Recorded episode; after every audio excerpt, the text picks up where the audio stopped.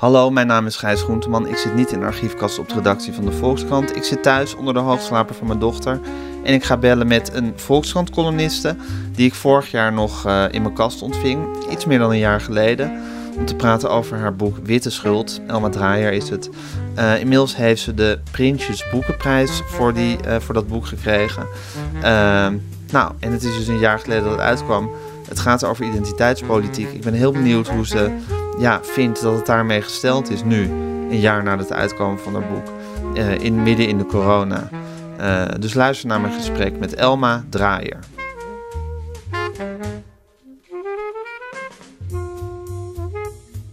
Elma, goedemorgen. Goedemorgen. Ja, ik, ik, sprak je ruim een jaar geleden ook in de kast. Toen was je boek Witte Schuld net uit. Maar je zei net toen ja. ik belde dat je het in de kast leuker vond. Ja, ik vond het in de kast veel leuker. Je vindt het gewoon leuk om mij te zien? Ik vind het heel leuk om jou te zien. Okay. En het geeft toch een andere dynamiek dan dat ik nu zo tegen mijn telefoon zit te praten. Ja, ben, jij, dus, um, ben jij een telefoneerder, Elma? Hou je van bellen? Um, volgens mij um, niet zo heel erg, maar ik, ik, heb er ook niet veel tegen. Maar ik ben geen hartstochtelijke telefoneren. Je, ben bent nooit niet, geweest. je bent niet zo iemand die gaat bellen en dan urenlang aan de lijn hangt met deze of gene. Oh, nee, nee, nee, nee. Zeker niet. Nee, nee. En, en, als ik tegenwoordig bel, dus met Intimi, dan vind ik het wel fijn om, om dan ook te videobellen. Dus oh ja? Ja. Dus dan zit je met Intimi, zit je dan met zo'n met zo'n schokkerig beeld erbij uh, alles Ja, heerlijk, heerlijk. Ja. ja. Hey, en heb, heb, jij de, heb jij de hele lockdown tijdens de coronatijd erg serieus genomen? Bedoel, was je... Ja, heel erg serieus. Ja? Ja, ja. Hoe, ja vanaf het begin. Hoe serieus ja. dan precies? Um, nou, ik ben binnengebleven zoveel mogelijk en uh, alles gecanceld. Als het niet al gecanceld werd natuurlijk. Dus alle optredens werden natuurlijk sowieso gecanceld en al dat soort dingen. Ja. Maar in de privésfeer, dat heeft echt maanden geduurd voordat we hier weer twee mensen te eten hadden. En gelukkig hadden we een grote tafel. Dus dan kon, de, kon het ene stelletje aan de ene hoek en de andere aan de andere hoek. Ja. En um, nou, ik ben in Italië geweest van de zomer. En daar zijn hele strenge maatregelen. Dus daar kom je echt de winkel niet in zonder mondkapje. Ja. En dat went binnen twee dagen. Ja, daar schreef je ook over, hè? Dat je, toen, ja, dat je helemaal verbijsterd was toen je in Nederland iedereen ja, zonder mondkapje zag lopen. Ja, en nog, nog steeds. Dus wat ik nog steeds doe, als ik een winkel binnen ga, heb ik een mondkapje op en dan kijkt iedereen je aan. Wat een griezelige mevrouw. Maar dat vind ik eigenlijk ook prettig, want dan blijven ze ook een beetje in de buurt. Ja, precies dat Ja, effect ik ben nog wat, steeds heel voorzichtig. wat er ook steeds gezegd wordt. Dat het ook, een, dat het ook het effect heeft dat je je voortdurend bewust bent van eh, dat je in een, in, een, eh, in een rare crisis zit als je allemaal een mondkapje op hebt. Ja, precies. En Ja. dat, dat is eigenlijk wel heel goed. En, en ik, nou ja, we gingen natuurlijk wel een wandelingetje maken, maar dan elke dag. En dat was ook wel ontzettend leuk, want ik woon al bijna 24 jaar hier, geloof ik, in deze buurt. En dan bedoel ik eh, het Kakkineuze Amsterdam-Zuid, waar jij vlak om de hoek hebt gewoond. En, Ja. ehm, eh, maar wandelen zat niet zo in mijn systeem. Maar dat heb ik nu dus wel elke dag gedaan. En dat was wel echt geweldig. Dat je zo allemaal dingen in je buurt ontdekt. En het was natuurlijk zo'n prachtig voorjaar. Dus, en heel stil op straat. Dus Hey, Ja. En Elma, nu ben jij iemand die, eh, nou, professioneel, maar waarschijnlijk ook omdat het gewoon jouw diepe nieuwsgierigheid is, eh, de politiek en de maatschappelijke processen heel erg volgt en serieus neemt. Ehm, vond je het ook een interessante tijd? In die zin. ja, dat is ook, het zou raar zijn als ik nee zou zeggen. Natuurlijk was het heel interessant. En, en ook heel interessant hoe, hoe mensen erop reageerden. Op, eh, wat vaker geconstateerd, dat in het begin iedereen was zo vreselijk geschrokken dat we ons massaal achter Rutte schaarden. En, en toen begon natuurlijk, de, daar begonnen daar de borstjes in te komen. Dat was allemaal heel interessant om te zien hoe dat werkte. Ja, En ik heb wel met vrij grote verbijstering gezien hoe die, eh, hoe die complotdenkers de wind in de rug kregen. Hè? En dat, dat, dat hoe wie de wind in de, de complotdenkers? De complotdenkers. De complotdenkers, ja. Er stond vanochtend nog een groot stuk in, eh, in de Volkskrant over, eh, over al die BN'ers die dan in Nederland... Weet je wel, dat, dat vind ik echt verbijsterend. Kroes. Ja, precies. Ja. Kroes en, en die andere. Lange Frans. die dan- Ja, Lange Frans. En die dan met bloed serieus denken dat er van een enorme samenzweringen overal achter schuilen en zo. Nou ja, dat zijn allemaal heel interessante fenomenen. En, ehm, en ik heb zelf vanaf het begin heb ik ook wel eens op, overgeschreven gevonden dat, dat ik had het ontzettend te doen met de, met de boven ons gestelde in dit geval.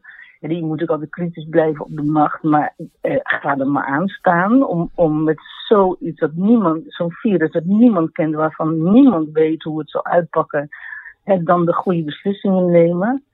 Ehm, nou, dat gaat, daar gaan natuurlijk dingen vreselijk mis. En, en ik heb daar zelf wel ehm, ook een keer gepleit voor grote mildheid daarvoor. Dat er dingen misgaan. Ja, je hebt compassie voor de, voor de beleidsmakers in deze. Ja, enorm. Ja, Ja. ja. Je- Omdat er ze, maar do- aan omdat ze door een, schimmig, door een schimmig woud aan het, eh, aan het navigeren Ja, zijn. Ja, Ja. Dat is ook dat is volgens mij, eh eh Rutte zelf ook gezegd, dat het navigeren in de mist is, of weet ik veel wat, sowieso Ja. een gebruikt wordt die. Dat is natuurlijk ook zo. En eh, ik, ik had het eh, precies niet beter gedaan. Want je moet toch met heel weinig informatie hele ingrijpende beslissingen nemen. En ben je bang geweest, Elma, zelf, persoonlijk? Ben je bang geweest voor het virus of ben je bang om ziek te worden? Nou, ik heb, ik heb wel, en ik ben op een avond, toen was denk ik die lockdown een paar dagen bezig. En toen ben ik gaan zitten met mijn man en, en echt alle consequenties proberen te overzien. Hè? Dus ook, eh, eh, nou, stel je voor, we, we raken al ons werk kwijt. En, en redden we het dan nog wel tot, eh, tot er ergens een AOW'tje komt.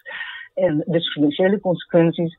En ook heel goed nagedacht. Nou, stel je voor dat wij het krijgen. En wat willen we dan? Willen we dan op de IC of willen we het niet? En ehm, toen hebben we een, een papiertje gemaakt en, en in de kluis gestopt, allebei. Met, eh, en dan mocht het zo zijn dat het virus ont- ons treft, dan eh, wil ik niet op de IC. Oh, en nee, dat, Elma? dat waren we eensgezind over. Ja, nee, serieus niet. Nee, maar wat, wat ongelooflijk lief dat jullie dat A zo serieus echt hebben zitten bespreken met z'n tweeën. En dat jullie ook een papiertje hebben gemaakt en dat in de kluis Ja. hebben gelegd. Ja, dus Ja. Ik, ik wil maar zeggen, eh, ik, ik nam het niet luchtig op. Nee. En, en wel, ja, wel echt gedacht, nou, de hele wereld staat nu op kop. En, en, en hoe, gaat dit aflopen? Natuurlijk met, met ons persoonlijk. En ik heb, wij hebben samen vier kinderen. En eigenlijk was dat nog de grootste zorg eerst. Gaan zij het redden, allemaal, alle vier? Hè? Mhm. Ehm, en nou, we zijn ontzettend dankbaar dat ze, dat ze nou wel werk hebben en een huis hebben. Weet je, dat, dat soort grote. eh, Dat soort grote levensvragen Ja. teisterden je ineens. Ja, En de, de kinderen vonden dat trouwens heel erg, dat, dat wij zo'n briefje maakten. Hè? waarom vonden ze dat erg? Nou, omdat ze vinden dat je, dat je niet, dat, als je op wc komt, moet je dat eh, gewoon over je heen laten komen. En ze vonden dat heel erg, maar we hebben het wel gedaan, ja. En waarom was dan jullie afweging om dan toch niet op de IC te willen? Nou ja, omdat ik toch ook de, eh, de vele verhalen ken over hoe je daar dan weer uitkomt. Ja, getraumatiseerd en verzwakt. Ja, daar had ik.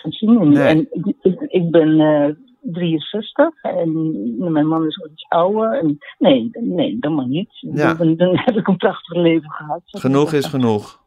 Ja, nou, nu er zijn dit soort gedachten, dat was echt in maart. Hè? Dus, Ja. eh, toen is allemaal, nou, helemaal... eh, Ja, toen waren we heel fatalistisch met z'n allen, hè? ja, precies. Ja. Terwijl ik dit eigenlijk Ja, misschien en- wel een engere tijd vind waar we nu in zitten. Ja, ik vind het ook zo'n grote onzekerheid. En ook, eh, nou ja, de- al die krachten die loskomen. En ik hou me hard vast voor de verkiezingen volgend jaar. En, Welke krachten heb je het over, Elma? Die loskomen? nou ja, de, de- de populistische krachten, de enorme onvrede met, eh, met die lockdown. Dat mensen er echt scheid aan hebben en het niet, niet meer aan doen. En ik, ik kan het ook niet goed overzien. Eh, Uit sommige onderzoeken blijkt weer dat dat eigenlijk wel meevalt. Dat eh, nou, nog behoorlijk veel mensen erachter staan. Maar nou ja, goed, wat je toch om je heen ziet en hoort, is het niet zo.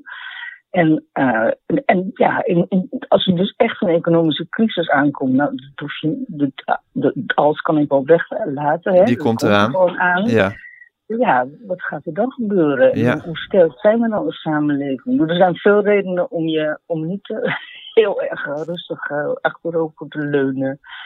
Eh, maar ik kan natuurlijk net als jij niet in de toekomst kijken. Dus geen idee. ja, ik kan dat wel, maar dat is wel heel uitzonderlijk dat iemand Ja. dat kan. En ik, ik, ik deel dat nooit met anderen, want ja, dan, we- dan weet de wereld te veel. Hey, en Elma, Ja. heeft, dit, heeft dit ook eh, invloed op jouw gemoed? Laat, laat jij jou dit eh, beïnvloeden? In je stemming? bedoel je? ja? Wat zeg je? Op mijn stemming? Ja. Op mijn stemming? Ja? Dit soort, dit soort Mm. toch wat fatalistische gedachten of grote zorgelijke gedachten, laat ik het zo zeggen. Eh, slaap je er minder van of word je er chagrijniger van? Of kan je dat volstrekt uh, lang, langs je gemoed af laten glijden?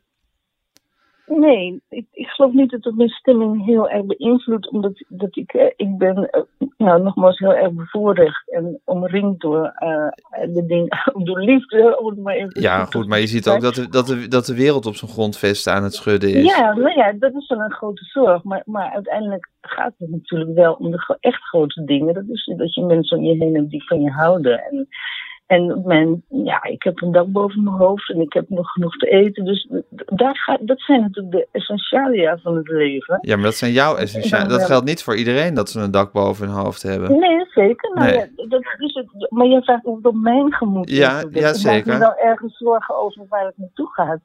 Maar op mijn gemoed, nee. ik, ik, ik, sta nog steeds uh, behoorlijk vrolijk op. En, um, uh, en ik, ik, ben misschien ook wel een beetje optimistisch iemand. Maar ik denk, nou, moet, ik, ik moet er ook mijn kleine steentje aan bijdragen dat het allemaal goed komt. En, um, en verder, uh, er komt natuurlijk een enorme storm aan. En in hoeverre kun je die nog terugduwen? Dat, ik weet niet of dat kan. Nee. nee, dus dan moeten we maar over ons heen laten komen. En zo goed en zo kwaad ja, hem zo doorstaan. Ja, ja. Precies, ja, ja. Hey, en Elma, nu heb je die prijs gewonnen voor je boek Witte Schuld. De ja. Prinsjesprijs. Uh, stemt, stemt dat je nog vrolijk of, uh, of, of... Nou, dat was natuurlijk wel ontzettend leuk. Ik, had het totaal niet verwacht. Het is een prijs voor het Uh, beste politieke boek van het jaar, hè? Van het uh, parlementaire jaar. Van het parlementaire jaar, ja. Ja, de Prins, Prinsjes Boekenprijs. Ja. En ik was al verbijsterd dat ik überhaupt genomineerd was. Waarom? Um, Je vond en- het zelf niet en- zo geslaagd, je eigen boek. Nou ja, dus, dat is een beetje raar om te zeggen, want dan, dan had ik het gewoon beter mijn best moeten doen. Ja. Maar ja, het is een thema dat niet, niet heel makkelijk ligt. En, en dus ik vond het al ongelooflijk dat ik was genomineerd, omdat ik überhaupt op de longlist stond van tien. En toen kwam ik vorige, kwam vorige week, of eerder vorige week, eh, nieuws dat ik op de, bij de laatste drie hoorde. Nou, toen wist ik helemaal niet wat ik beleefde. En toen zat ik daar vrijdag in de Eerste Kamerbankjes. Dat was ook wel een belevenis tr- trouwens, om daar te zitten. Ja. En keurig op afstand en zo. En, eh, en toen zei de voorzitter van de Eerste Kamer eh, dat ik hem had gewonnen. Die Jan Antonie de Bru- Bruin. Nou ja, ik, eh, ik, ik viel nog net niet uit het bankje, zou ik maar zeggen. Je was verbijsterd. Was echt verbijsterd. Ik, ik dacht dat de twee andere genomineerden waren Mark Skrop en Huib Modderkolk. En ik, ik dacht dat Huib zou winnen. En dat gunde ik hem ook enorm. En Ja. later vertelde hij mij dat hij al vier keer door deze hel is gegaan. Dus vier keer al genomineerd. En vier keer net niet gewonnen. Hè? Dat is natuurlijk verschrikkelijk. En hij Ja, verdient het echt. afgrijzelijk. Die arme krijgen. Wat moet die man gebroken en geknakt zijn? Nou, zo zag je er helemaal niet Oh nee, oké. Maar, eh, Hij ik- kan het ik ook nog wel een het- beetje relativeren. Het niet winnen van Ja, de Prinsjesboekenprijs. Ja, Ja. ja. het is, ik vond het. Dus ik, ik was echt verbijsterd. En nou ja, toen daarna, dat- dat was om. eh, om Maar je zegt, uur je zegt, Elma, het is een thema wat niet zo makkelijk ligt. Wat bedoel je daarmee? Nou, dat kun je vast zelf bedenken. En ja, maar eerste mag ik het even uit jouw mond eh, horen, alsjeblieft? Ja, ja. Nou, ten eerste is het sowieso een ingewikkeld boek. Ik heb negen jaar geleden een boek geschreven. Dat heette Verwende Prinsesjes, portret van een Nederlandse vrouw. En dan wist iedereen meteen, oh ja, het gaat daarover. En die wist ook ongeveer wat wat de boodschap zou zijn. Maar dat is in dit geval ingewikkelder. Het heet Witte Schuld en dan staat er onder over identiteitspolitiek. Dan moet je al een klein beetje weten wat dat is. Ehm, dus ja, dat, dat is sowieso ingewikkeld. En dan neem ik ook nog een standpunt in dat, dat nou, dat nou gewoon, om het maar zo te zeggen, veel mensen mij niet in dank afnemen. Dus ik, ja. Maar als je het dan- als je- dat, ehm, Elma, als je een standpunt inneemt, welk standpunt dat ook is, dan nemen per definitie veel mensen je dat niet in dank af. Ja, tuurlijk. Nee, dat hoort erbij. Maar Ja. je kunt ook een boek schrijven waar iedereen helemaal van ondersteboven is. En dat, nou ja. Maar jij dacht, Elma, dat met het standpunt dat jij innam, dat, spe- dat specifieke standpunt van jou, dat je daar normaal gesproken bij een jury van een prijs als deze niet per se eh, mee in het, Nee. bij in het gevleid zou komen. ja Dat is toch het. eigenlijk een wonderlijke gedachte, Elma? Ja, Want ik nou bedoel, je bent, je, bent, eh, nou, je bent misschien wat rechtser dan ik, als je het in klassieke termen zou willen zeggen. Maar je bent ook weer niet Nou, een soort. ik- Je bent ook weer niet een soort extremist. Eh, je, Nee, je, je maar- kan, nee, je maar- kan heel helder nadenken en je kan dat heel, eh, heel goed op je eigen manier verwoorden. Waarin je vaak de woorden quod non gebruikt. Ik bedoel, waarom zou je daar niet een, een prijs mee? Ik vond het een fantastisch boek wat je hebt gemaakt. Ik heb je er een jaar geleden met open mond over zitten ondervragen. Eh, wa- waarom, waarom denk je dat je daar. Je denkt toch dat als je, zou maar zeggen, wat, een wat, wat, wat linkser, eh, links-idealistisch boek schrijft, dat je daar eh, hogere ogen mee gooit. Dat weet ik niet, maar ik weet wel dat, dat ik, het naar mijn idee, hè, maar dat is ook omdat ik mijn positie altijd moeilijk uit te leggen vind, ehm, dat, dat dat soms eh, ook moeilijk ligt. Kijk, jij noemt jezelf linkser dan ik. Ja, zeker. zo. Maar ik ben echt een oude sociaaldemocraat. Hè. Ik ben sociaal-liberaal. Ik stem mijn hele leven al PvdA. Ik ben geen lid, omdat ik ook journalist ben. Dat vind ik principieel niet kunnen. Ja, Ik ben wel getrouwd met een lid trouwens. En dat lid roept ongeveer elke week. En nu is het de laatste keer. Nu zeg ik op. ja, En, maar er heeft ooit iemand gezegd. Er zijn altijd, doe dat nou maar niet. Want er zijn altijd nog, komen betere redenen om je lidmaatschap op te zeggen bij de PvdA. Dat is altijd zo. Dus doe het nu nog maar niet. Goed. Ehm, ik, ik ben echt een sociaaldemocraat. Dus ja. ik- Maar ik vind sociaaldemocratie ook helemaal niet per definitie links hoor, Elma. Ik bedoel, Nee, nou ja, het, is, ik wil niet in de rechtshoek zitten. Nee, nee, Dat- nee, nee. Daar is mij altijd veel aan gelegen. Nee, ik zei ook, ik zei ook, ik zei ook om het even in de klassieke termen te zeggen. Dus, dus alleen maar Ja. meer om het, eh, om, om een, een, een vage richting aan te geven dan om, eh, eh, ik bedoel dat hele links en rechts, dat, dat, dat meen ik serieus. Dat is natuurlijk ook een volstrekt achterhaalde manier van denken überhaupt. En je zit zeker niet, ehm, nou goed. Maar ga door, want we waren dus waarom je dacht dat je er geen prijs voor zou winnen. Waarom je denkt dat nou dat... ja, en ik, ik, ik vind het dan altijd. Ik, en ik ben tegelijkertijd dus ontzettend kritisch over, over die hele identiteitspolitiek die in een deel van de linkse beweging eh, eh, eh, opgang doet. Ja, Dus dat is een hele ingewikkelde positie. Ik, ik, ik beschou- beschouw mezelf als, ik, als een sociaaldemocraat, nou ja, met liberale trekjes ongetwijfeld. Maar ik heb dus wel heel erg veel kritiek op de, op de bijeens en de GroenLinksigers met hun denkbeelden en wat allemaal. Dus dat is een ingewikkelde positie. En ik had inderdaad niet verwacht dat, ehm, dat een jury dat zou belonen met een fijne prijs. nee. Maar ik ben ze enorm dankbaar. Want Ja. Mijn huis staat vol met bloemen. Nou, heerlijk. En eh, ik Nou. heb een prachtige oorkonde. En uh, nou ja, En het is, ook, echt het is ook een heel interessant boek, dus hij komt je ook helemaal toe. Tenminste, ik heb niet alle Ja, andere politieke boeken van het afgelopen parlementaire jaar gelezen. Dus ik kan er niet een heel afgewogen oordeel over vellen. Maar eh, ik, ik kan het toch volgen. Hé, en Elma, als je zegt, ik neem een standpunt in dat niet per se populair is, waar- waarmee je niet per se geliefd maakt. Ehm, kan jij Ja. dat, kan jij dat stand, is dat standpunt te omschrijven eigenlijk? Of is dat, eh, voert dat te ver? Ja, nou ik zal een poging doen. Het, het gaat, ik, richt, ik keer mij tegen de gedachte dat, dat in het boek, hè, dat, dat je je afkomst, je huidkleur, huidskleur, je, je seksuele geaardheid, eh, eh, je gender, zoals het tegenwoordig heet, dat dat alles bepalend is voor je identiteit. En dat is eigenlijk wel wat, ehm, wat mensen die dit gedachtegoed aanhangen eh, vinden. En zij beredeneren dat vanuit de idee dat de blik van de ander be- die bepaalt wie jij in het leven staat. En hoe meer kenmerken je, je hebt van een eh, gemarginaliseerde of achtergestelde of onderdrukte groep, hoe moeilijker je het in het leven hebt. Dus Ja, nou, jij bent een, volgens mij, eh, cisgender man. Ehm, dus jij hebt het eigenlijk ontzettend makkelijk Ja. in je leven. zeker. Ik, ik ben een cisgender ook, een Ja. enorme cis- cisgender. Dat betekent dat je je, je, je, voegt naar het geslacht dat je, je bij de geboorte is toebedeeld. Hè? Ja. Nou, ik ben een cisgender vrouw en eh, nou, dat heel, een heel klein nadeeltje dat ik nog een heel klein beetje heb, is dat ik vrouw ben. Dus, want seksisme is, zoals je weet, niet helemaal de wereld uit. Nee. Maar verder heb ik natuurlijk alles mee. En, eh, nou, maar die, die focus op, op dat soort gegeven kenmerken, die, die, daar, daar keer ik mij tegen. Omdat ik een diepe overtuiging heb dat, dat ieder mens een individu is. En dat je natuurlijk kenmerken hebt eh, waarmee je bent geboren. En daar zul je mee moeten dealen. En die hebben invloed op hoe je, in het leven staat. Maar die hoeven niet jouw lot te determineren. Zo, zo is het in mijn ideale wereld. Ja. ik.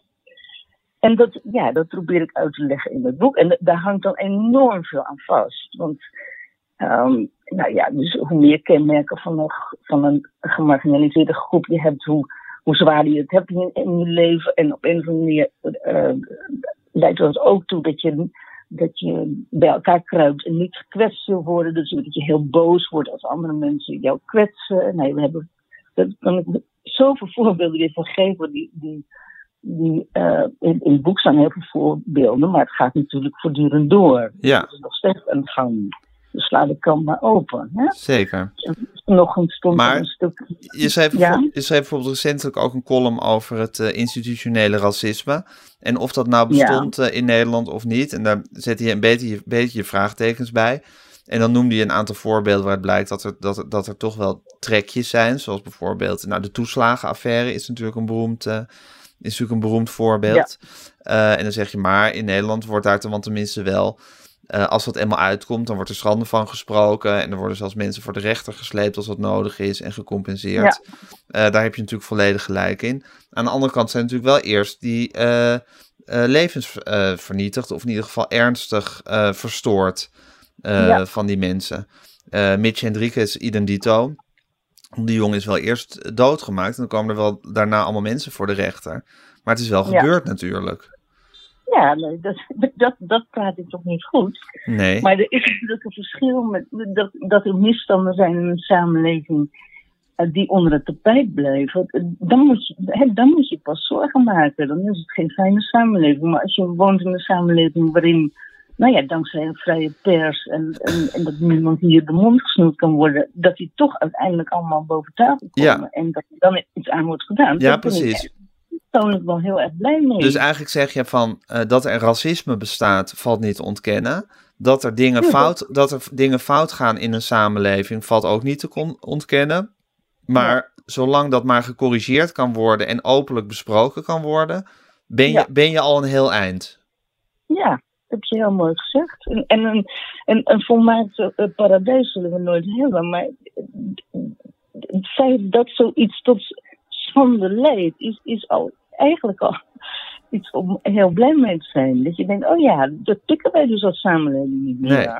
En we gaan er alles aan doen om te zorgen dat eh, bijvoorbeeld etnisch profileren bij de politie eh, aan banden gelegd wordt. En hè, de politie zelf vindt dat ook een, een van zijn belangrij, haar belangrijkste taken. Ja. Hey, en Elma, als je het dan hebt over eh, je identiteit ontlenen aan eh, je huidskleur of je, je geaardheid of je geslacht überhaupt, je, je gender überhaupt. Ehm, ehm, ja, je- jij vindt eigenlijk van je, je, je krijgt kaarten toe, toegedeeld in je leven, toebedeeld bij je geboorte en later ook nog, maar bij je geboorte ook al een aantal.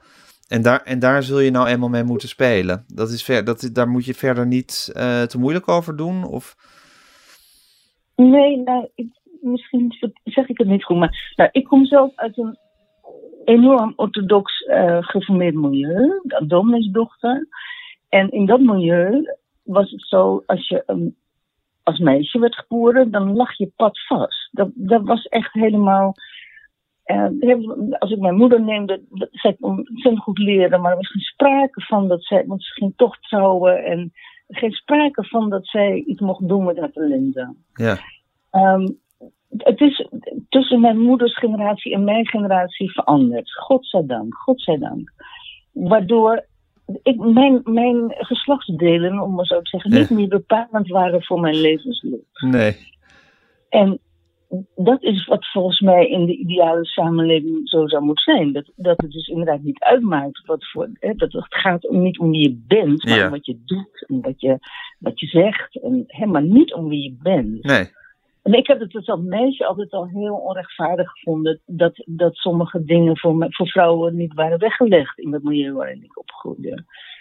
En een enorme bevrijding gevonden toen ik ehm, nou ja, daaruit kon stappen en gewoon het leven kon leiden dat ik wilde. En natuurlijk loop ik dan ook nog wel tegen van alles aan dat ik een, inderdaad een meisje ben. Maar ja, dat is allemaal ehm, no- bijna geestig. Dat, dat soort seksisme waar ik mee te maken heb. Dus ik, dan heb ik het niet over eh, seksueel geweld. Dat is helemaal niet geestig. Maar nee. dat, dat gezellige seksisme waar ik dan nog tegenaan loop, dan moet ik alleen maar vreselijk hard om lachen. Ja.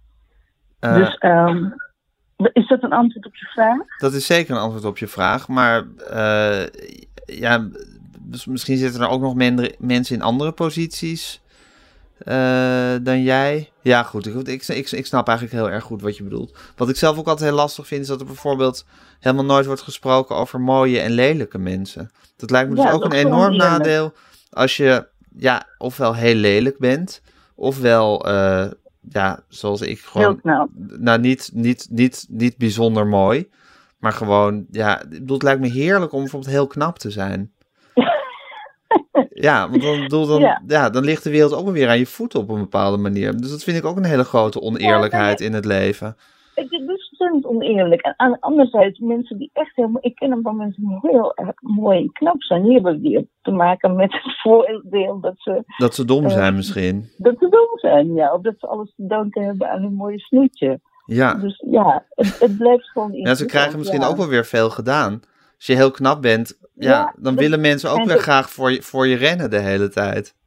Daar, daar is heel veel onderzoek naar gedaan. Dat je enorm in het voordeel bent als je, als je Ja. er goed uitziet. Ja, maar dat, ja. Is, dat, is, dat is ook een enorme ongelijkheid in het leven. enorm. Ja, het leven is gewoon oneerlijk. Ja. Het, is, het is natuurlijk heel oneerlijk dat ik in dit hoekje van het universum ben geboren. En, Ja, en, in het wassenaar van de wereld. Ja, nee, precies. Ja. En, en dat is zo vreselijk oneerlijk. Ja, ja. Ehm, dus eigenlijk, eh, samenvattend over nu over dit, kan je nog een vraag stellen hoor. Nou, ik bedoel, oneerlijkheid, daar moet je tegen vechten, want dat is natuurlijk een feit. Maar aan de andere kant eh, moet, je, moet, je, moet je het ook accepteren dat dingen nou eenmaal oneerlijk zijn. En het dan maar op je eigen manier gewoon be- eh, bevechten en er overheen komen. Nou, Zoiets. ik, denk dat je, dat je de. Dat je de volgens mij kun je dat het beste samenvatten als de diversiteitsparadox moet omarmen. Hè? Ja, Dus ehm, wil je daar echt, als, als je dingen, het is natuurlijk onbeschaafd en achterlijk om iemand te, te beoordelen op zijn huidskleur of zijn sekse of zijn, weet ik veel wat. Dat is onbeschaafd en achterlijk. En dat, het feit dat je dingen niet kan doen omdat je niet de juiste huidskleur of de sekse of wat dan ook hebt, is ook onbeschaafd en achterlijk. ja, Wil je daar iets aan doen? Dus dat het vanzelfsprekend wordt dat dat, dat geen rol meer speelt ja, dan zul je die diversiteitsparadox moeten ontarmen, omarmen, namelijk ervoor zorgen dat al die elementen, geslacht, afkomst, seksuele voorkeur, huidskleur. allemaal minder een rol spelen in plaats van allemaal meer. En wat er nu gebeurt is dat, dat juist het een steeds grotere rol gaat spelen. Ja, precies. Het is contraproductief eigenlijk wat er nu gebeurt. Nou, uiteindelijk volgens mij wel. Ja. ja. Ja. Ja. Hey, en Elma, ik sprak je dus een jaar geleden over, over je boek. Eh, in de kast, toen we nog met elkaar in een kast konden zitten. Heerlijke Mhm. tijd was dat. Ehm, is, er, is er op dit gebied, kijk, we hebben natuurlijk die hele pandemie gehad enzovoort, maar we hebben ook de hele Black Lives Matter eh, eruptie gehad. Is er veel eh, veranderd, vind jij, in, op het gebied wat je beschrijft in je boek? Ja, nou veranderd. Dingen die, die ik toen signaleerde, die zetten zich alleen maar door. Die zijn alleen maar heviger. Dus je zou nu een heel extra hoofdstuk weer kunnen schrijven met voorbeelden van wat er nog verder gebeurd is. Ja, ja, dat zou moeiteloos kunnen. Eerst nou, had ik het wel even gehad met het thema. Maar toen, nou, ik geloof een maandje of zo dat mijn boek was het ene naar de andere dingen in het nieuws. Waarvan ik dacht, jeetje, had ik dat nog maar kunnen meenemen, weet je wel. Heb je En, nog een ehm, voorbeeld van iets wat je graag had mee willen nemen? Nou ja, een, een heel, recente, eh, heel recent voorbeeld van vanochtend in de krant over het fotofestival in Breda. Heb je dat eh, meegekregen? Daar in een skatehal heeft eh, Erik Kessels een kunstwerk gemaakt. 60 foto's, samengestelde foto's van internet. Hele grote opgeblazen foto's van vrouwen en een paar mannen die aan plastische chirurgie hebben gedaan. Ja. En dat, dat was in een skatehal eh, op de vloer eh, geïnstalleerd. Dus een kunstwerk. En dat zou dan wegslijten. En hij had dat bedoeld als een soort.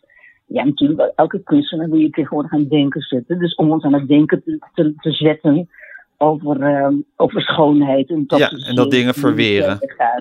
En een ironisch commentaar daarop. Ja. Want uiteindelijk door die skaters zouden die foto's dus ook verdwijnen. Ja. Eigenlijk best een aardig idee. En er is er dus een protest op gang gekomen vanuit de skatewereld en, vanuit die eh, anonieme actiegroep. Je moet het maar even lezen, ook in trouw vanochtend. En ja hoor, die, die skatehal, die is door die heeft gezegd, we gaan het verwijderen. En wat was dan de, wat was dan de, de kern van het protest? Nou, dat het, dat het eh, denigrerend was en kwetsend was voor, eh, voor vrouwen die met, seksueel, ge- met, eh, met geweld te maken hadden. En, eh, Dat er over hun heen geskate die werd. hele- en die, je kent die hele riedel wel. Ik, je moet het even lezen. Dus, Ja, maar het is toch altijd weer fascinerend om te zien hoe het, hoe het dan nu... Ik, ik kan soms vaak niet bedenken van tevoren hoe het dan nu kwetsend zou zijn. Dus dat moet ik dan toch Ja, even nou, erbij horen. Ja, en die Kessel zelf zegt ook, eh, nou ja, het is ook een beetje ironisch bedoeld, maar ironie en, en activisme gaan niet samen, zoals je weet. Dus, ja. maar het verbijsterende is natuurlijk dat zo'n skatehal, die, want er was ook een sponsor, die, die begon te morren en die denkt, oh jee, onze sponsor, eh, dat gaat mis. ja, Dus die, die zegt dan, eh, ja, we gaan dat kunstwerk verwijderen. ja, ja, ja. En, en de directeur van het fotofestival, die, die, die, die zegt dan dat ze begrip heeft voor het standpunt. Nou, en voegt ze daar in de Volkskrant nog wel aan toe dat het eh, wel een voorbeeld is van de cancel culture. Ja. Nou, dat, dat dus dat je dingen taboe verklaart omdat ze protesten reizen. Hè? ja. En dit is een klein voorbeeldje, maar zo zijn er heel veel dingen geweest de afgelopen tijd. Dat toch eh, zo'n instituut, of zo'n zo'n skatehal in dit geval. Instituut eh, als een zwicht voor, skatehal. eh, Ja, die is zo bang voor zijn imago dat, eh, dat, dat dingen. En wat heeft het nou voor gevolgen? Dus ik vanochtend aan te denken. Dat je voelt, ik denk als kunstenaar voel je je natuurlijk toch minder vrij om te doen wat je wil. Absoluut. bedoel, je, moet- je moet wel heel sterk in je schoenen staan dat, om te denken, schrijf, weet je wel, ik ga het toch doen. Dus je krijgt toch een soort zelfcensuur. Ja. Ik denk, ja, sommige dingen liggen nu zo moeilijk, dat kan ik niet meer doen. Nou ja, en als kunstenaar hoef je het misschien niet te denken, maar inderdaad als al die instituten het al gaan denken, dan, eh, ja, dan sta je als kunstenaar verder ook machteloos. Want wat je dan Ja, ook verzint, het kan meteen weer afgeschoten worden omdat je per ongeluk op een teentje bent gaan staan. Terwijl je niet eens bedoelde om op dat teentje te staan. Nee, het was juist de bedoeling om iets aan de kaart te stellen, spiegel voor te houden. Nou, je kent al die termen wel. Ja. En dat, is een ironisch dingetje. En, en je wordt er wel heel moe van, hoor. Nou ja, je zegt moe, ik vind het zelf eigenlijk best wel angstaanjagend. Het, Ja. wat, voor mij, wat ik het lastige daaraan vind, is dat ik het, dat het geldt eigenlijk voor extreem rechts, precies zoals voor extreem links en eigenlijk voor alle radicale groepen. Dat is dus die, precies die cancel culture. En wat ik, wat ik zelf ook wel toch een beetje het nieuwe fascisme vind, is van eh, wat, wat, wat mij niet bevalt, dat moet weg de hele tijd. Ja. Ja, want ik ben gekwetst. Ja, ik ben gekwetst of ik ben het er Ja. niet mee eens. Want dat is natuurlijk wat, wat, wat Wilders en Baudet ook heel erg hebben. Alles wat hen niet bevalt, moet weg. Ja. Ik bedoel, moderne Ja. architectuur bevalt hem niet, dus het moet weg. Eh, Moslims bevallen me niet, dus ze moeten weg. Ik bedoel, het is, het is, het is alles wat niet... eh, wat, wat, nou, wat jou niet bevalt, om wat voor reden ook, moet weg. En dat vind ik een heel... eh, en dat geldt dan ook nog eens voor ideeën en gedachten die je kan hebben. En eh, nou, wat ik, of, je, of je iets eh, openlijk steunt of niet, moet, daar moet je dan ook. eh, je moet dan dingen steunen, want anders ben je ook fout. En eh, Ja, ja, ik vind dat best wel niet alleen vermoeiend, maar ook een beetje griezelig. nee, wat, wat griezelig is, en dat is spe- speciaal voor kunstenaars, die, die toch alle vrijheid moeten hebben om, vind ik tenminste, om, om te maken wat ze willen. Ja, om een, hele, om een hele onderbuik eruit te gooien, want dat is toch wat het interessant maakt. Ja, Ja. En, en dat is natuurlijk wel heel erg naar als je die zo aan banden gaat leggen. En het zo moeilijk maakt om in vrijheid te werken. Ja, dat, dat vind ik. eh, Ik word er heel moe van en het is ook verontrustend. Dat je denkt, hoe is het mogelijk? En, en dan hebben we het niet alleen maar over een fotofestival, maar ook eh, zo'n incidentje als eh, bij het Van Gogh Museum. Dat ze ineens denken, kunnen wij nog wel een naakt van Edgar Degas aan de muur hangen? Ja. En Misschien Is het misschien zijn- kwetsend voor is het groepen? kwetsend, maar de, de- het is een beetje een rare beeldspraak in dit geval. Je broek zakt er toch van af dat, je, dat, je, dat, dat, Ja. dat we zo zijn gaan denken. Zo'n Mhm. keurig museum als het Van Gogh Museum. Dat nu al zo bang is voor eventuele beschuldigingen van... eh, van hè, dat, mensen zich gekwetst kunnen voelen. Gadverdamme. Het is... Ja. eh, ja, ik weet ook niet zo goed hoe, hier, eh, hoe, dat, hoe je dat... hoe de wal dit Nou ja, moet ja. keren. Je, je zou toch hopen dat dat soort instituten juist de rug recht houden. Hè? Dat ze zeggen, oké, u heeft daar een beetje moeite mee. Nou, laten we er een gesprek over hebben.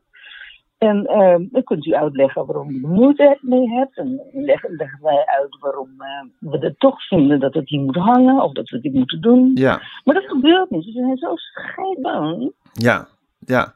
Ja, en ik vind het dus lastig met, maar zeggen, de, de linkse hoek. Omdat ik, maar zeggen, hun doelen wel heel vaak... eh, kijk, ik vind het heel makkelijk om tegen extreem rechts te zijn. Omdat ik het gewoon letterlijk ongeveer met alles oneens ben wat ze zeggen. Ja. En ik vind het met in de linkse hoek veel lastiger, omdat ik het dus vaak heel erg met hun einddoel of hun idee wel eens ben. Maar met de, de manier waarop dat uitgevoerd wordt, of wa- wa- waarop Ja. anderen de wil opgelegd moet worden, heel erg oneens ben. En daarom lees ik jou ook graag, Elma, omdat ik, omdat ik het vaak inhoudelijk gezien misschien niet per se met je eens ben, maar dat ik wel vind dat je een heel scherp oog hebt voor eh, het proces wat er, eh, wat, er vaak, Mm. wat, er- wat er aan ten grondslag ligt. Of wat, wat, wat het uitvloeisel is daarvan. En daar, daar, dat, dat, dat zie je gewoon heel scherp. Dus dat is, eh, daarom vind ik het zo, daarom lees ik je zo graag. Maar daarom vind ik het zo lastig om een, om een, eh, ik bedoel, het is, je, je, je- ik word dan een beetje verscheurd van binnen. Ik denk van ja, nee, ik ben ook tegen racisme en ik ben Ja, ook tegen zwarte, ik ben ook tegen zwarte Piet en ik vind ook dat er een, een, een samenleving vol eerlijke kansen moet zijn. En ik vind vaak Ja. voorbeelden die eraan aangehaald worden ook heel erg schandalig. Maar tegelijkertijd heb ik heel veel moeite met het, eh, het radicale eh, afzweren van van alles, omdat je het er niet mee eens bent of omdat het je niet bevalt, enzovoort. Ja. Dat was, geldt, eigenlijk ja. geldt eigenlijk hetzelfde als toen met die hele kwestie met eh Arie Boomsma en, eh en Voetbal Insight, of Veronica Insight. Eh, wat ik ook vaak, waar- waarin ik ook vaak vind dat hun grappen heel onsmakelijk zijn en ook daadwerkelijk te ver gaan en ook daadwerkelijk kwalen kunnen zijn voor heel veel kleine homoseksueeltjes die met hun vader naar dat programma zitten te kijken of met hun moeder. Ehm, dus, dat, dus dat ben ik het helemaal mee eens. En ik vind op zich dat Arie Boomsma ook best eh, in alle eerlijkheid zich kan afvragen van... Ja, eh, Albert Heijn, moet je dit nog willen sponsoren? Is dat wel verstandig? Dus eigenlijk Mhm. vind ik daar niet eens... Die, die redenering kan ik nog helemaal volgen. Of tenminste, daar, is niet eens zoveel mis mee. En tegelijkertijd zet dit dus ook in gang precies wat jij nu zegt met die, met die, met die skatehal. Dat dan ook dat sponsors zich dan de hele tijd blijkbaar geroepen voelen om zich inhoudelijk over dit soort dingen uit te gaan laten. En daarmee ook een soort morele rechters worden over dingen. Ja. En dan is het maar net welke wind er waait of dat, eh, welke kant het op gaat. Want ze zijn natuurlijk puur commercieel. Dus eh, Ja, dat, er komt Thierry Baudet aan de macht. Dan precies, dan is het weer, dan is het, dan, dan, dan mogen er weer allemaal andere dingen niet. Dus dat, is een, eh, dat is absoluut een hellend vlak waar je dan, eh, waar je dan op komt. Als, Ja, je, als je gaat vragen om, om geldschieters zich uit te laten spreken over eh, inhoudelijke kwesties. Ja. ja, dat is precies waarom, waarom we zo zuinig moeten zijn op de vrijheid van meningsuiting. Dat klinkt een beetje zo, maar het Ja. is wel zo. Ja, maar het gekke is natuurlijk dat Arie Boomsma, die zich afvraagt of Albert Heijn dit nog moet willen sponsoren, is natuurlijk ook vrijheid van meningsuiting. Ja, zeker. Ik bedoel, daar ja. zit op zich in die, die vraag is op zich best wel heel legitiem. En toch is hij ook, dus, dus, en toch is hij ook gevaarlijk. Ja. Nou goed. Ook dit is weer een soort paradox. ja, het leven zit vol paradoxen. Het leven zit vol paradoxen. Dat maakt het ook wel interessant. Nou goed, Ja. Elma. Met andere woorden, eh, gefeliciteerd met je prijs. En Dankjewel. hij komt je toe, vind ik. Ja, Ehm, dat is goed van ja. Ehm, ja, nou misschien moeten we gewoon af, wat vaker bellen om even te kijken hoe, hoe, de, hoe de stand van zaken is. Een Ja. ja. knus. Dat is interessant. Oké, Elma. eh, Ja, geniet eh, geniet van, wat, van, je, van de bloemen die daar in je huis staan. Of heb je nog Ja. iets belangrijks? Eigenlijk heb ik nu het interview afgesloten met een soort monoloog. Dat is een beetje raar. Heb jij nog wat te Oh, ja, zeggen? nou. Ja, nee. Nou ja, is het nog leuk om te weten dat, er, dat ik zes bos bloemen in huis heb. Hoeveel? Zes? Zes. En, eh, gerelateerd, gerelateerd aan de prijs. Dus het, is werkelijk een soort bloemenzee. En van wie heb je de mooiste, van wie heb je de mooiste bos gekregen?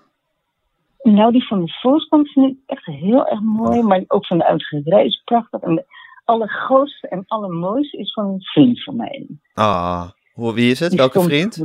Nee, dat ga ik je niet vertellen. Oh, dat vind ik vast niet leuk. Maar Oh. wel heel erg leuk. Daar was ik wel ontzettend ontroerd toen. Die stond voor de deur. We danken jou, vriend, voor deze schitterende bos. En Elma, ik eh, hoop dat we elkaar gaan weer spreken. Oké, Tot later. Doeg! Dag, dag, dag. Dit was eh, Met Groenteman in het Nieuwe Normaal met Elma Draaier. Mijn naam is Gijs Groenteman. Ik maak deze podcast samen met Daan Hofstee. U kunt zich abonneren op alle mogelijke manieren. U kunt ons een mail sturen, podcasts.volkskrant.nl. U kunt ons volgen eh, op Instagram, @metgroenteman. Eh, en geef ons vooral lekker veel sterretjes.